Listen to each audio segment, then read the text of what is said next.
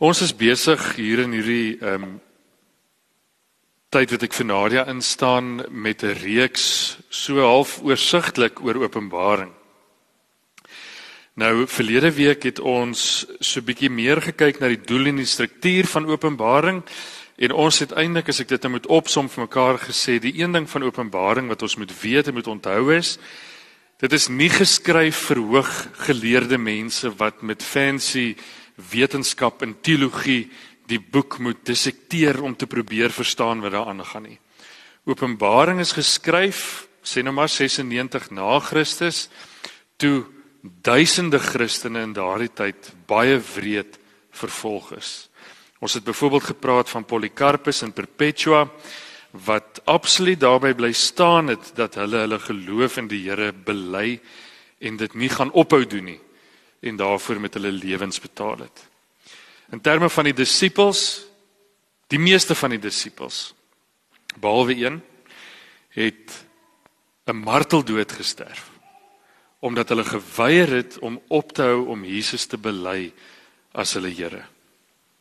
En wanneer Johannes selfs hierdie openbaring neerskryf wat hy van Christus ontvang het, is hy in die tronk in Patmos omdat die Romeine hom weggevoer het Patmos toe en hom daar in isolasie geplaas het eintlik maar in afwagting tot sy eie dood.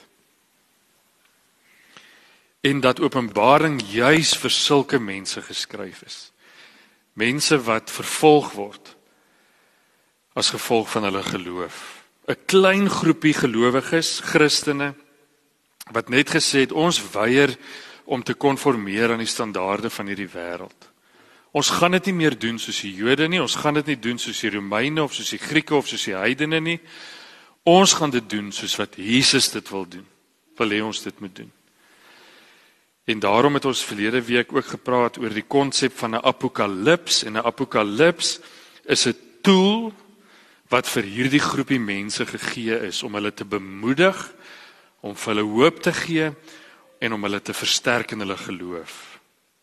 En daarom het ek en jy dit ook nodig. Want ons is ook 'n groep gelowiges binne 'n grootendeels goddelose wêreld. Die wêreld is nie 'n mooi plek nie.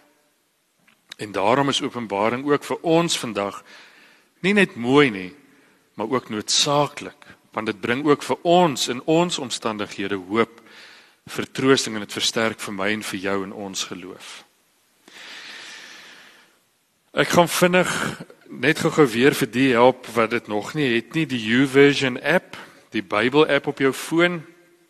Ehm um, as jy by hom ingaan en jy gaan daar aan die onderkant na more toe of meer en jy klik daarop en jy gaan dan na in Engels events toe of in Afrikaans dink ek die woord was gebeurlikhede of iets en jy klik daarop dan heel bo aan behoort se Mondium Familiekerk te verskyn. As hy jou vra vir jou um location of hy dit mag gebruik, sê maar vir hom ja, hy mag. Dan gaan hy Simondium vir jou heel bo uitgooi en dan klik jy net op Simondium. As jou vingers nie te koud is nie en dan maak hy die notas oor vandag se diens oop. As jy na 'n opname wil gaan luister, gaan kyk 'n bietjie ehm um, maak nou nie saak waar jy jou opname luister nie. Daar behoort ook 'n ding te wees wat sê link of links en as jy op daai link ingaan, gaan hy vir jou verlede week se preeknotas oopmaak. Dan kan jy dit daar weer saam volg. Vandag gaan ons gesels oor 'n redelike direkte boodskap wat God vir sewe gemeentes in Openbaring gehad het. En deur Christus se openbaring aan Johannes het Johannes dit neergeskryf in 'n briefvorm vir hierdie sewe gemeentes. En hulle is daar op die bord. Ons praat van die perskoen gemeentes omdat die vorm waarin hulle geleë is basies soos 'n perskoen lyk. En ons gaan begin vandag by Efese wat 'n 'n baie baie groot hawe stad was. Dit was een van die belangrikste stede op die handelsroete. En dan gaan ons hom so antikloks gewys omwerk tot by Laodicea. Daarso net weer is die eiland. Jy kan sien ek kry koud nê. Dan hoe ek bewe. So maak. Delpie, waar Johannes weggevoer is, waar hy in die tronk is toe hy Openbaring skryf, die eiland Patmos. En hy skryf dan nou hierdie brief en dit was eintlik maar 'n omsendbrief, so dis eintlik een brief met sewe dele in die brief wat dan van Efese, Smyrna, Pergamum, Thyatira, Sardes, Philadelphia en Laodicea so omgestuur is en elke gemeente het die hele brief gelees, so al die dele vir die sewe gemeentes, want eintlik was die inhoud van die hele brief vir al sewe gemeentes bedoel. En daarom is die inhoud van hierdie sewe gemeentes se briewe saam ook vir my en vir jou bedoel. Nou ek wil verskoning vra dat ek vandag ehm um, in terme van die inhoud so 'n bietjie gaan aflees, maar ek het nou moeite gemaak hierdie week om dit mooi op te som. So ek gaan dit so lees soos wat julle dit daar ook op die die notas het en dan so hier en daar 'n opmerking maak oor dit. Die eerste brief wat ons gaan lees, ons gaan nie die brief lees nie, ons gaan bietjie praat daaroor want 'n uur gaan te min tyd wees om my briewe te lees en daaroor te praat. So asseblief in die week wat voorlê as jy kan, gaan lees Openbaring 2 en 3 want dit is die gedeelte wat die briewe bevat. So ons gaan begin vandag net so inleidend net om te sê wat die die opdrag agter die briewe is. En dit lees ons in Openbaring 1 vers 19 tot 20. Skryf dan op wat jy gesien het, wat daar is en wat hierna gaan gebeur. Dit is die misterie van die sewe sterre wat jy in my regterhand gesien het en van die sewe goue kandelare. Die sewe sterre is die sewe boodskappers van die sewe gemeentes. Dis eintlik die sewe leraars. En die sewe kandelare is die sewe gemeentes. So Christus openbaar hom aan hierdie sewe gemeentes in die sterre en in die pilare en dit verwys na hierdie sewe gemeentes. Nou kom ons begin met die eerste een, Efese. Efese was 'n 'n baie baie groot handelsstad gewees soos ek nou-nou gesê het. Dit was ook 'n die amper die enigste van die sewe gemeentes wat 'n hawe gehad het. En die brief wat Christus aan Efese skryf, is nie net sleg nie. Hy prys hulle in die eerste plek vir dit wat hulle goed doen En dan raas hy so bietjie met hulle oor wat hulle nie goed doen nie. In die eerste plek prys hy hulle vir hulle hulle werke, vir hulle harde werk, vir hulle arbeid, die goeie dinge wat hulle doen. Maar dan sê hy ook ten spyte van hierdie harde werk is daar iets waarop hy hulle moet kritiseer. En dit is die feit dat hulle hierdie harde werk verrig sonder liefde. Dis nog 'n sê ding wat 'n mens ook in vandag se kerk sien. Is dat ons so besig raak met die dinge van kerk en van godsdiens en van die sinode en die kerkorde en wat reg is en wat verkeerd is en wie op die kansel mag staan en wie nie op die kansel mag staan nie en wie mag doop en nie mag doop nie. Dat ons vergeet van liefde. En dit was Christus se groot kritiek aan hierdie eerste gemeente Efese gewees is dat hulle godsdienstig baie hard gewerk het. En dat hulle in terme van hulle godsdienstbeoefening absolute goue ster op die voorkop moet kry. Maar hulle daar nie by hulle liefde was nie. Al die regte dinge gedoen, maar daar was nie liefde nie. Die les vir vandag is dit help nie ons werk net met die waarheid nie en ons probeer reg doen en die kerk reg bestuur en al die goeie dinge doen maar ons doen dit nie met en in liefde nie. En wat Christus hier vir hulle en vir ons sê is 'n kerk wat na sy beeld geskaap is handel met waarheid en met liefde gelyktydig Nou as 'n mens 'n synode sitting bywoon, is dit vir my een van die kere waar ek baie keer die minste liefde beleef. En dan is dit met dominees en kerkraadslede wat afgevaardig is deur gemeentes om oor die dinge van die Here se kerk te gaan werk en te gaan praat wat dan in soveel liefdeloosheid met mekaar daar omgaan. So baie mense wat deur die kerk seer gemaak is in die geskiedenis sal vir jou sê die kerk was die een plek waar ek die meeste liefde nodig gehad het maar dit die minste gekry het. Vir een of ander rede is dit sodat ons ons beoordelingsradertjie of ons oordeelrader in die kerk konteks baie meer aktief is as buite die kerk wanneer ons met die kerk se dinge besig is. Dis asof ons baie keer in die kerk baie minder toegewend is of vergewensgesind is as daar buite in die werksplek of in die gesinslewe of in jou vriendekring. En daarom is hierdie kritiek wat Christus hier in die kerk van Efese gee baie baie ernstig ook vir ons vandag. Hierdie is juis die plek waar liefde eerste sigbaar moet wees.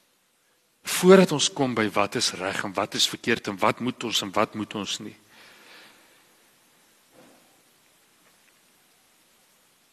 Ons gaan heel aan die einde gaan ons opsom die paar dinge, vyf of ses dinge wat ons vandag hiermee moet wegstap. En hierdie liefde gaan een van dit wees. Die tweede kerk is die kerk van of die kerk in Smyrna. Net net noord van Efese. Nou Smyrna het 'n baie baie groot Joodse gemeenskap gehad. Nou weet ons die Jode was nie meer die Christene goedgesind gewees nie. Want die Jode het gedink die Christene het die pad absoluut buister geraak. Hulle het nou ewe skielik aanhangers geraak van hierdie Jesus figuur wat toe nou eintlik nie die Messias is nie want hy het nie gedoen of kom doen soos wat hulle gedink het hy moet doen nie. Hulle het gedink hy gaan hierdie politieke leier raak wat hulle oorloë vir hulle gaan laat wen en hulle gaan bevry uit die mag van die Romeine en toe het dit nie gebeur nie. Inteendeel, hy het dit eintlik erger gemaak. So 'n klomp Jode het net gesê, luister, Julle ouetjies wat nou aanhou om hierdie Jesus te volg, julle sit die pot heeltemal mis. En julle is nou eintlik besig om 'n lagwekkende sekte te vorm. Ons wil met julle niks te doen hê nie. En dan het die Jode gegaan en in die ore van die Romeine wat regeer het in daai area nog steeds gaan fluister en vir hulle vertel hoe sleg en hoe siek die Christene is. En daarom het die Romeine nog meer vyandig teenoor die Christene geraak.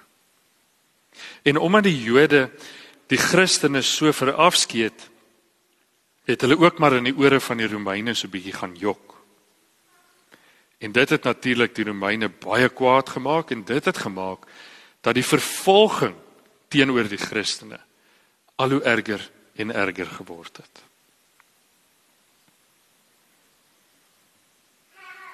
Smyrna was een van die dorpe of stede gewees waar dit baie baie duidelik was. Waar die Romeine op grond van wat die Jode sê, die Christene al hoe meer en al hoe meer vervolg het. Nou Jesus se openbaring in die kerk in Smyrna prys eintlik die gemeentetjie omdat hulle in eenvoud leef. Hulle was baie arm. Onthou hulle was 'n groepie wat wat absoluut uitgestoot is uit die samelewing uit. En Christus gee erkenning aan die feit dat hulle onregverdig vervolg is op grond van leuns. So met Smyrna is Jesus eintlik nie baie kwaai nie. Hy raas nie met hulle nie, maar hy waarsku hulle dat hulle eintlik nog meer vervolging kan en gaan beleef. So dis bietjie 'n minder lekker boodskap is om te hoor luister.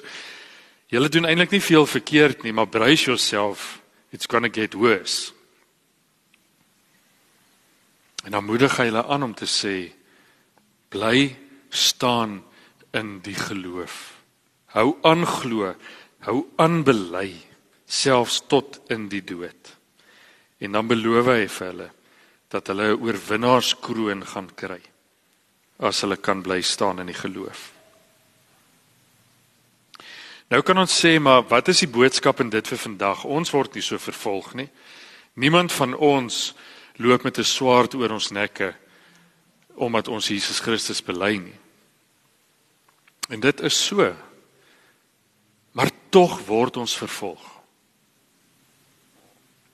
Tog word ons vervolg wanneer ons sê, weet jy wat, in hierdie geselskap waar ek nou is, waar die gesprek gaan oor dinge wat nie aanneemlik is vir Christus nie en ek onttrek daaruit, maak ek myself ons nou ongewild. En dan begin mense my wegstoot omdat ek weier om saam te praat met hierdie onnodige lelike nie opbouende gesprekke nie. En dit is vervolging. In lande soos Bangladesh en in Jemen, Korea lyk die vervolging baie anders. Daar word mense nog gemartel en doodgemaak. Hier by ons word ons uitgestoot. Ons verloor vriende. Jy kan self jou werk verloor omdat jy kies om jou werk op Christelike standaarde te doen, gegrond in Christelike waardasies, waardes en nie transaksies onder die tafel deur te doen soos wat jou kollegas eintlik verwag jy dit moet doen nie. So vir my en vir jou is daar ook 'n waarskuwing dat as ons aan gaan aanhou om ons Christelike identiteit uit te leef ook in die wêreld van 2023 gaan ons al hoe meer ongewild raak. Gaan ons as gelowiges al hoe meer die kleiner groepie raak wat nie konformeer aan die wêreld nie. En wat Jesus se bemoediging aan ons is is dis oukei. Okay. Dis nie net oukei okay nie. Dis eintlik wonderlik. Wanneer mense jou uitstoot en verwerp en hoe ook al vervolg ter wille van my naam en my eer en my koninkryk is jy op die regte pad. Die derde kerk is Pergamum. Dis die heel noorde dorp stad. Dit is so moeilik met die Ou Testament dorpe om ag met die Bybelse dorpe om regtig te bepaal wat klassifiseer as 'n dorp en wat klassifiseer as 'n stad. So kom ons praat maar van stad. Pergamum was 'n rowwe plek. Verskriklik baie heidense gebruike en 'n groot heidense kultuur. Afgode aanbid. Allerhande weird heidense rituele gehad. En dit was vir die Christene geweldig moeilik om in Pergamum standvastig te bly by dit wat die Here van hulle vra.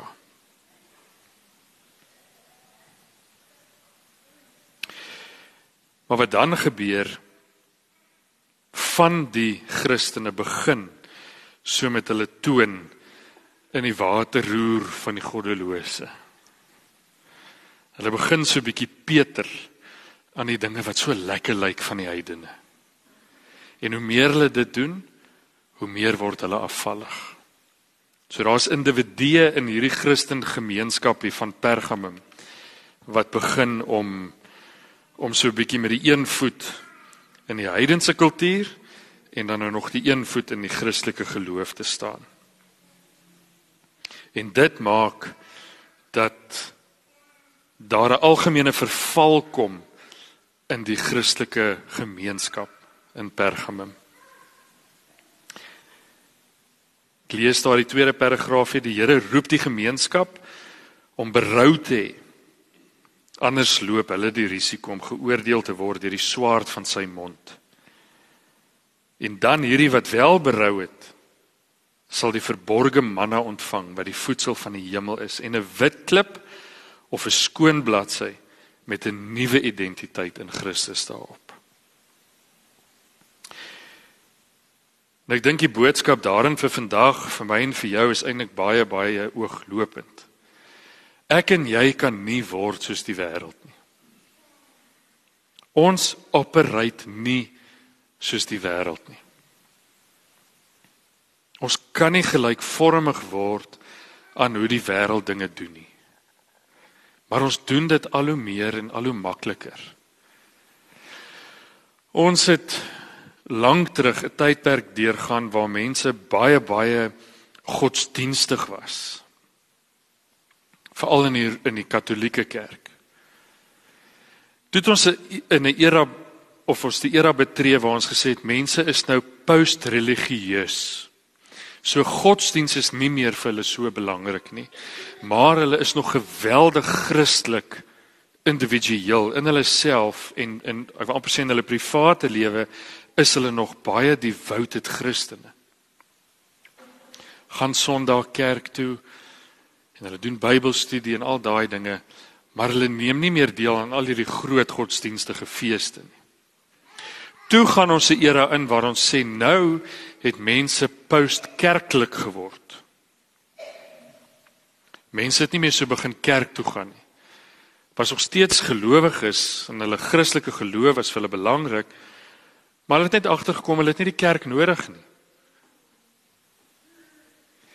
Nou is ons in 'n tyd waar ons praat van die post Christelike era. En daar's al hoe meer mense en vir my die skerry deel van dit is al hoe meer dominees, NG Kerk dominees wat sê ek distansieer myself van die Christelike geloof. Dit is nie meer wat dit is nie.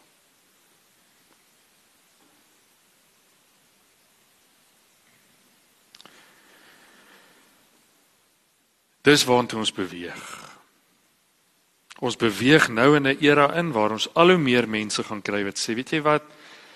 Hierdie Christelike ding is eintlik maar 'n pie in the sky. Dis 'n oud antieke ding. Ons is nou in 'n moderne, hipermoderne, postmoderne wêreld. Dit uh dit werk nie meer vir ons nie. Wat beteken dit vir my en vir jou? Dit beteken vir my en vir jou dat die druk om nog steeds in hierdie Christelike geloof te bly staan al hoe moeiliker gaan raak. Wanneer dominees en vriende en familie sê nee wat ek is oor dit. Ek kom op my eie aankap. Ek sal besluit wat is waar en ek sal besluit wat is nodig.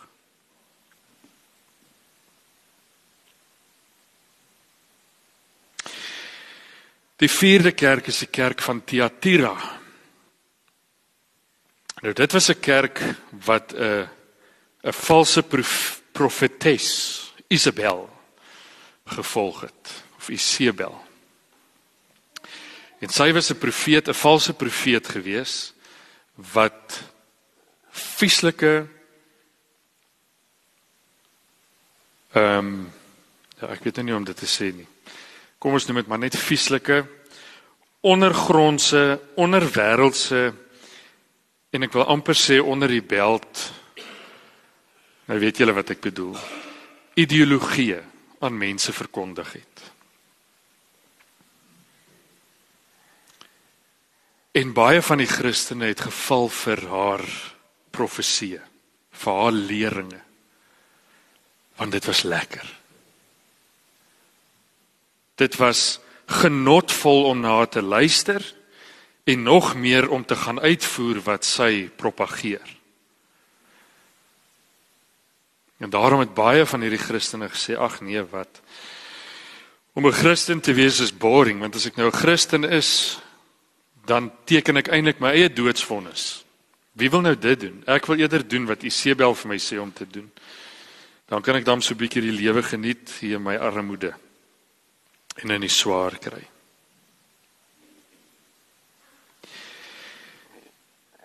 Christus sê dan daar in die brief, hy het haar gewaarsku.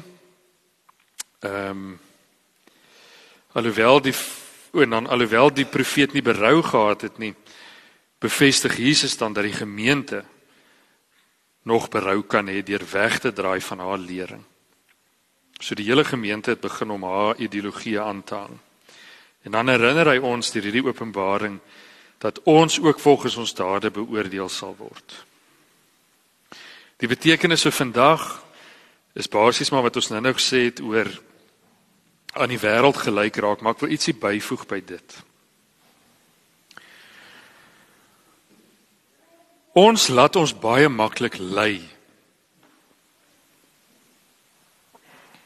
deur verskillende dinge. Ons laat ons, kom ons vat dit nou so 'n bietjie in, in verskillende fases. Ons laat ons lei deur sprekers of predikers se teologie. Kom ons kom ons maak dit verder van onsself of kom ons praat van iemand soos Nee, ons gaan nie 'n naam noem nie. Kom ons noem dit net ons laat ons lei deur iemand met die naam Piet. Ek is 'n groot aanhanger van Piet. Ek luister graag na Piet se preke. Uh, as hy op die TV praat, hy het 'n podcast, hy stuur elke oggend 'n nuusbrief uit. Ek is 'n groot aanhanger van Piet se teologie.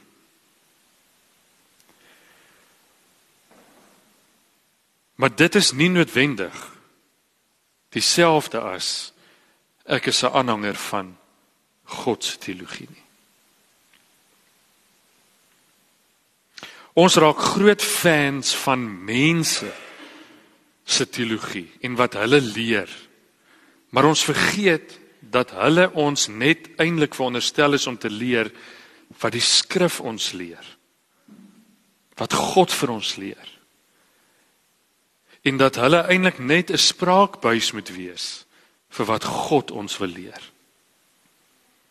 Daarom as iemand 'n groot aanhanger raak van 'n sekere teoloog of 'n prediker of 'n spreker, dan raak ek ongemaklik.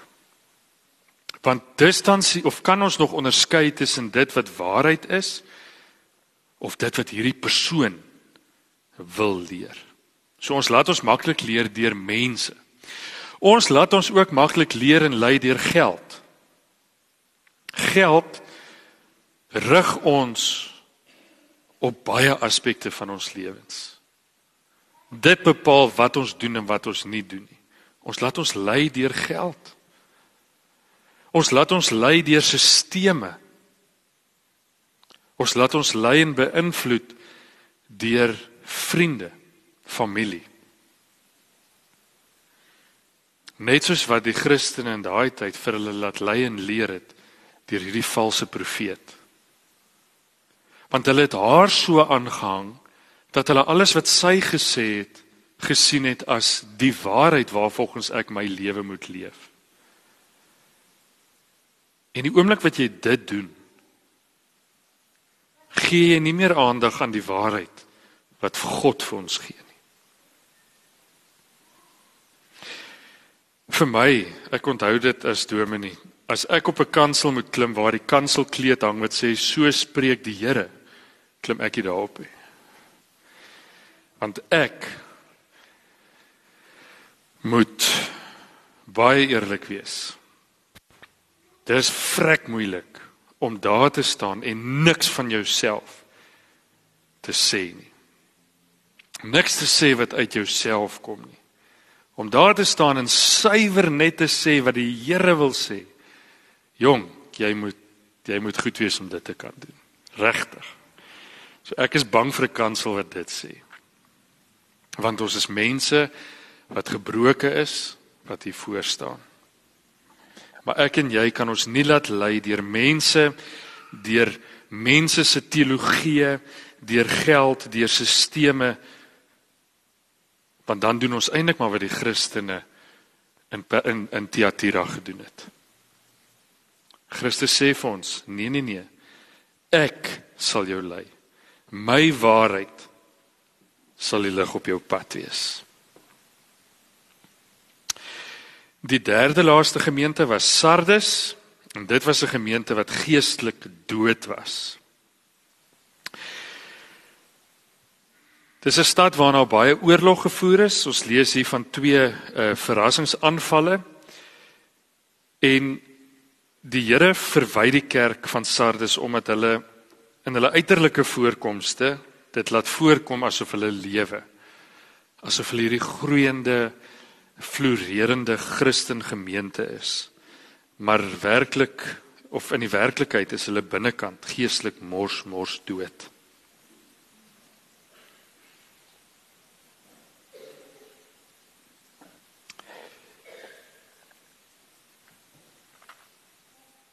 Een van my grootste vrese is dat iemand dit eendag van my kan sê.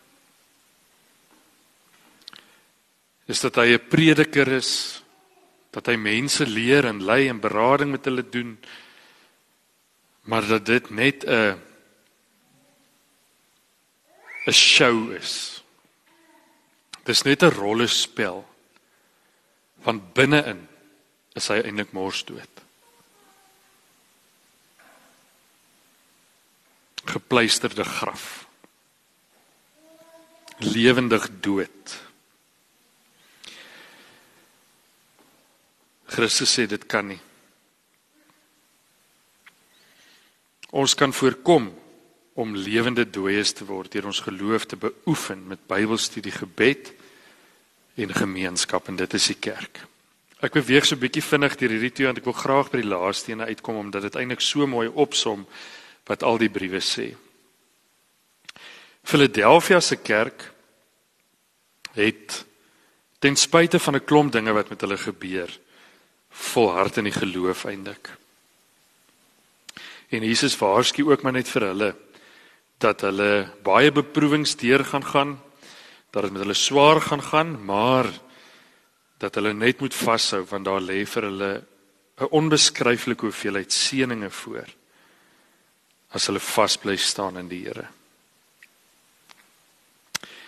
Ek gaan in die week wat voorlê oor elke gemeente gaan vandag begin oor elke gemeente vir julle artikel op die WhatsApp groepie aanstuur wat mooi die agtergrond van die stad en van die kerk in daai stad verduidelik. En dan wil ek jou regtig nooi, daar is nie tyd in 'n erediens om dit te doen nie. Dan wil ek jou regtig nooi om die brief te gaan lees aan daardie gemeente nadat jy die artikel gelees het wat die agtergrond verduidelik van waaroor dit gaan. Ek wil graag by die laaste gemeente ietsie daarvan doen. Omdat dit so mooi opsom wat die Here eintlik vir al hierdie gemeentes wil sê en dit is dat hulle moet volhard in geloof dat hulle nie moet ingee ehm um, wanneer die beproewings en die vervolging erg raak nie en hy herinner hulle daaraan dat wanneer hulle dit wel reg kry sal die beloning baie baie groot wees. Die laaste een is Laodicea. En Laodicea was die stad waar die Here vir hulle gesê het as jy lou is, gaan ek jou uitspoeg. Ons almal ken daai metafoor van as jy lou is, gaan ek jou uitspoeg.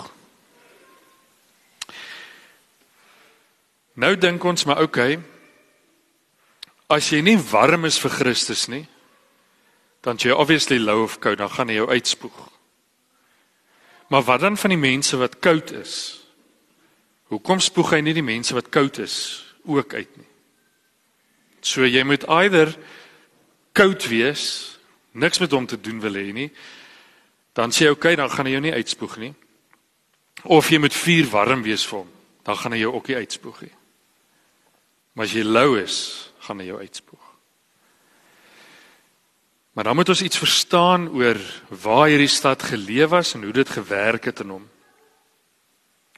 Die stad net noord van Laodicea het warm water gehad. Baie warm waterbronne gewees. So die water in daai stad was vuurwarm gewees.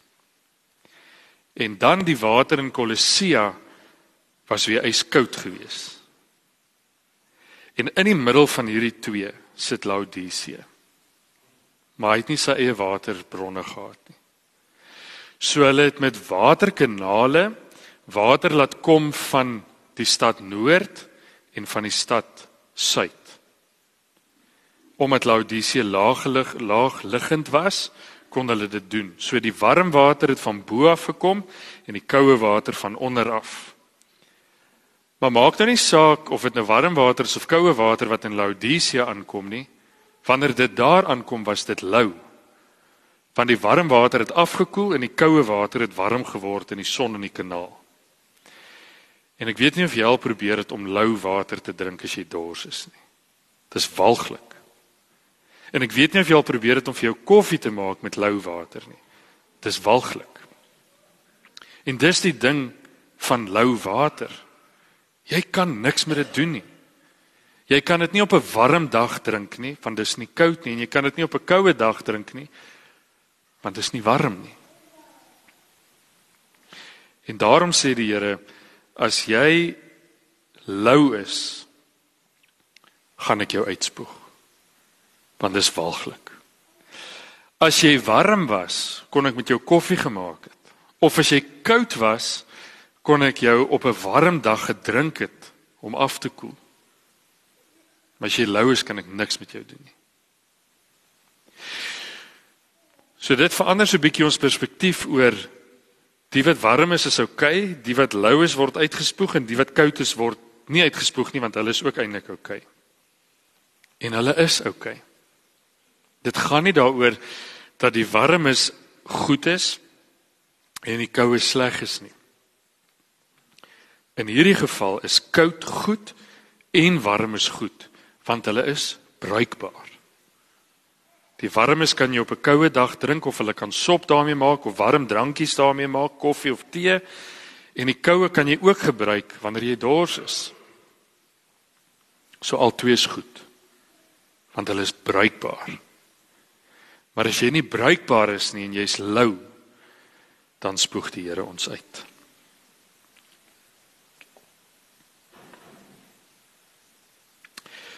Kom ons som op. Die boodskap vir die gemeentes wat ook die boodskap vir vandag is. Eerstens, 'n kerk wat nie in waarheid en liefde funksioneer nie, is nie 'n kerk nie. So ons kan nie al die wonderlike gemeenteaksies hê en bedieninge hê wat ons het en elke dag kerk toe kom en die pragtigste notules en agendas en kalenders en whatever hê as ons nie vir mekaar lief is nie.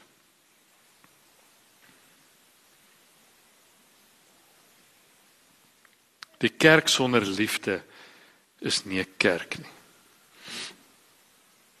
Die tweede ding wat ons hier leer uit hierdie sewe gemeentes is dat vervolging van watter aard of in watter graad ook al deel is van Christen wees. En ek en jy gaan ook vervolging beleef. Ons gaan nie noodwendig met ons lewens daarvoor betaal nie, maar ons mag dalk ongewild raak, ons mag dalk ons werk verloor, ons mag vriende en familie vriende verloor of familie kry wat nie meer met ons iets te doen wil hê nie. Die derde ding, die kerk opereer nie volgens werde wêreld se standaarde nie. En die oomblik wat ons in die kerk begin opereer soos wat dit in die wêreld gebeur, is ons nie meer kerk nie. Dit werk anders in die kerk. Dit is my altyd so mooi met gemeentes waar mense dit die meeste sien is by die finansies bediening van 'n gemeente. So as jy ooit 'n gemeente wil toets aan dink hulle wêrelds of dink hulle koninkryk gerig, dan gaan krap jy so 'n bietjie en hoe dit in hulle finansies bediening gaan. Of komitee. 'n goeie finansiële bedieningsleier in 'n gemeente is die ene wat die die insig het om te sê, weet jy wat? Ja, ons werk hier ook met 'n begroting. Maar ons is hier rentmeesterskap, rentmeesters van God se geld ter wille van die wêreld. Is daai ou wat kan sê, weet julle wat nê? Nee, hier het nou 'n vloed deur hierdie plakkerskamp gegaan. En hier's mense wat absoluut niks oor dit nie, wat hulle huise verloor het. Ons sit nie begroot daarvoor nie. Maar is oukei. Okay. Ons vat die stap in die geloof en ons gaan help hulle. Soos dit werk nie so in die wêreld nie. Maar in die kerk werk dit so. En ons is dankbaar dat ons in hierdie gemeente 'n bediening het wat dit snap. 'n finansies bediening het wat sê weet julle wat ons werk nie hier met enige iemand anders se geld as met die Here se geld. So en ons het dit op ons vorige kerkraadsvergadering in soveel woorde vir mekaar gesê. Ons moet onthou dat as die Here ons seën met geld en julle weet ons het deur die genade van die Here baie meer ingekry in die afgelope tyd as waarvoor ons begroot het. As die Here ons seën met geld, stuur hy ook 'n rekening. As die Here vir ons 'n rekening gee, gee hy ook die geld. God will pay for what God has ordered. In ons gemeente en ons kerkraad snap dit. En dit is my wonderlik dat ons in terme van ons finansies nie soos die wêreld opereer nie. Die volgende ding is is dat Christus die kerk se enigste leermeester mag wees. Net die Here en sy woord mag ons leer en ons lei. En net so vriendelike heads up. Nie alle teologie is goed nie. Nie alle teoloë is op die regte pad nie. Ongelukkig is dit so dat 'n mens in vandag se tyd baie baie selektief en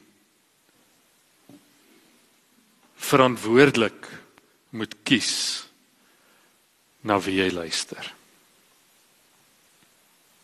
So hartseer eintlik. Die derde laaste puntjie, as die kerk net godsdienstige dinge doen, is ons mors dood. As ons kalender vol is met goed en ons roem en eer daarop dat ons soveel dinge doen. Maar daar's nie 'n diep Christelike volwassenheid in ons as gemeente nie. Is ons dood. Dit gaan nie net oor wat ons doen nie. Dit gaan oor wie ons is in Christus. Tweede laaste ene God beloon mense wat in geloof vas bly staan in wat hy is en wat hy vra. En dan die laaste ene warm of niks. Ek kon daarbey bygevoeg het warm of koud of niks. As ek nie vir die Here bruikbaar is nie, As ek nie myself beskikbaar en bruikbaar stel vir hom nie, spoeg hy my uit. Dis 'n mondvol, ek weet, voel soos 'n 'n lesingssaal vir oggend. Ek sal vir julle oor elke gemeente nog inligting stuur. Ek het ook hierdie voorberei het ek besef 'n mens kan eintlik by elke gemeente 'n volle erediens of 'n volle week eintlik stil staan. En dis miskien iets wat ons vorentoe kan doen. Maar vandag dan nou net so vinnige oorsig oor dit. Volgende week kyk ons na 'n moeilike ding. En ek beloof dit gaan nie soos 'n lesing wees nie. Ons kyk na God se regverdigheid. En dis 'n moeilike ding. Moet met my jou safety belt aansit as jy oor dit praat. En dan die week daarna gaan ons 'n bietjie praat oor die nuwe hemel en die nuwe aarde. En dan sluit ons die reeks af deur te sê maar okay, so wat. Hoekom is dit nodig dat ons hieroor praat? Kom ons bid saam.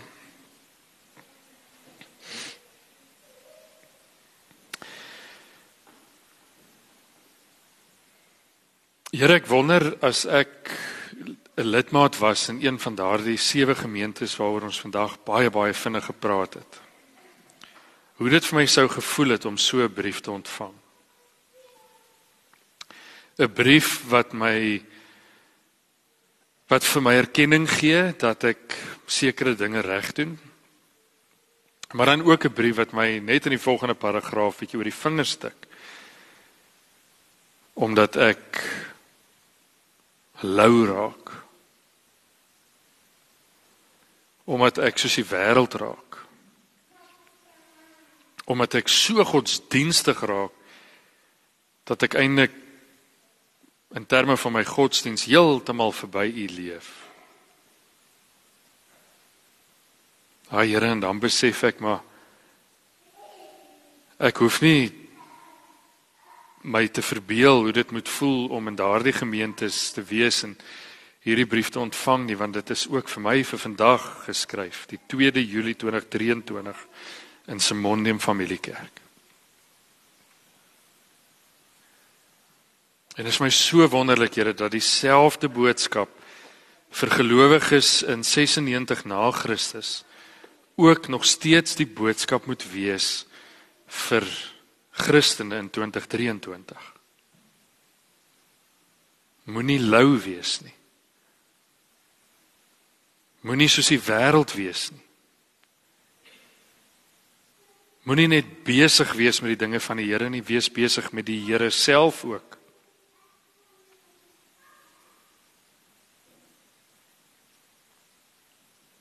Moet jou nie laat lei deur allerlei dinge nie, laat jou lei deur my.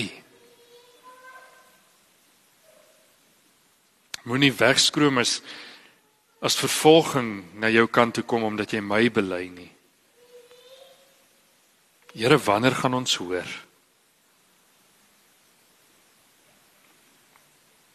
Dankie vir die herinnering. Dankie Here, ja dat U ook vir ons maar vanoggend so 'n bietjie oor die vingers kom tik. Here ons hartsbegeerte is is om vuurwarm vir U te wees, om bruikbaar te wees. Om in 'n diep sielsgenoot verhouding met U te wees.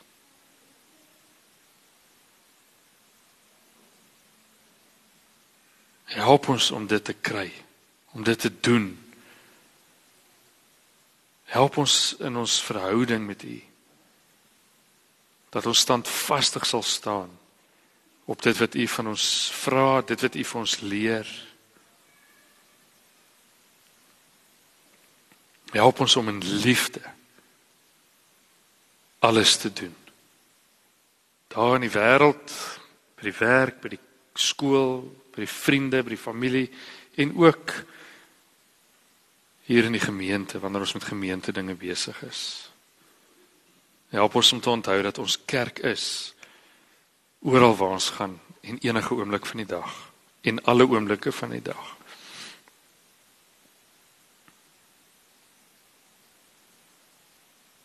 Baie dankie Here dat U uh, ons nog nie uitgespoeg het nie. Help ons om ons lewe so te belyn sodat U met ons tevrede sal wees.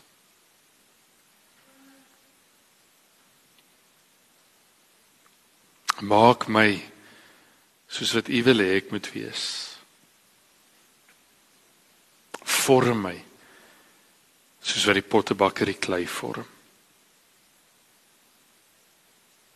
Here wanneer ons in die week wat voor lê ook 'n bietjie dieper gaan delf in hierdie sewe gemeentes se agtergrond wil U ook daarin en daardeur vir ons die waarheid oopbreek en ons daardeur ook kom aanraak en ons kom leer. Ons bid dit in U naam. Amen.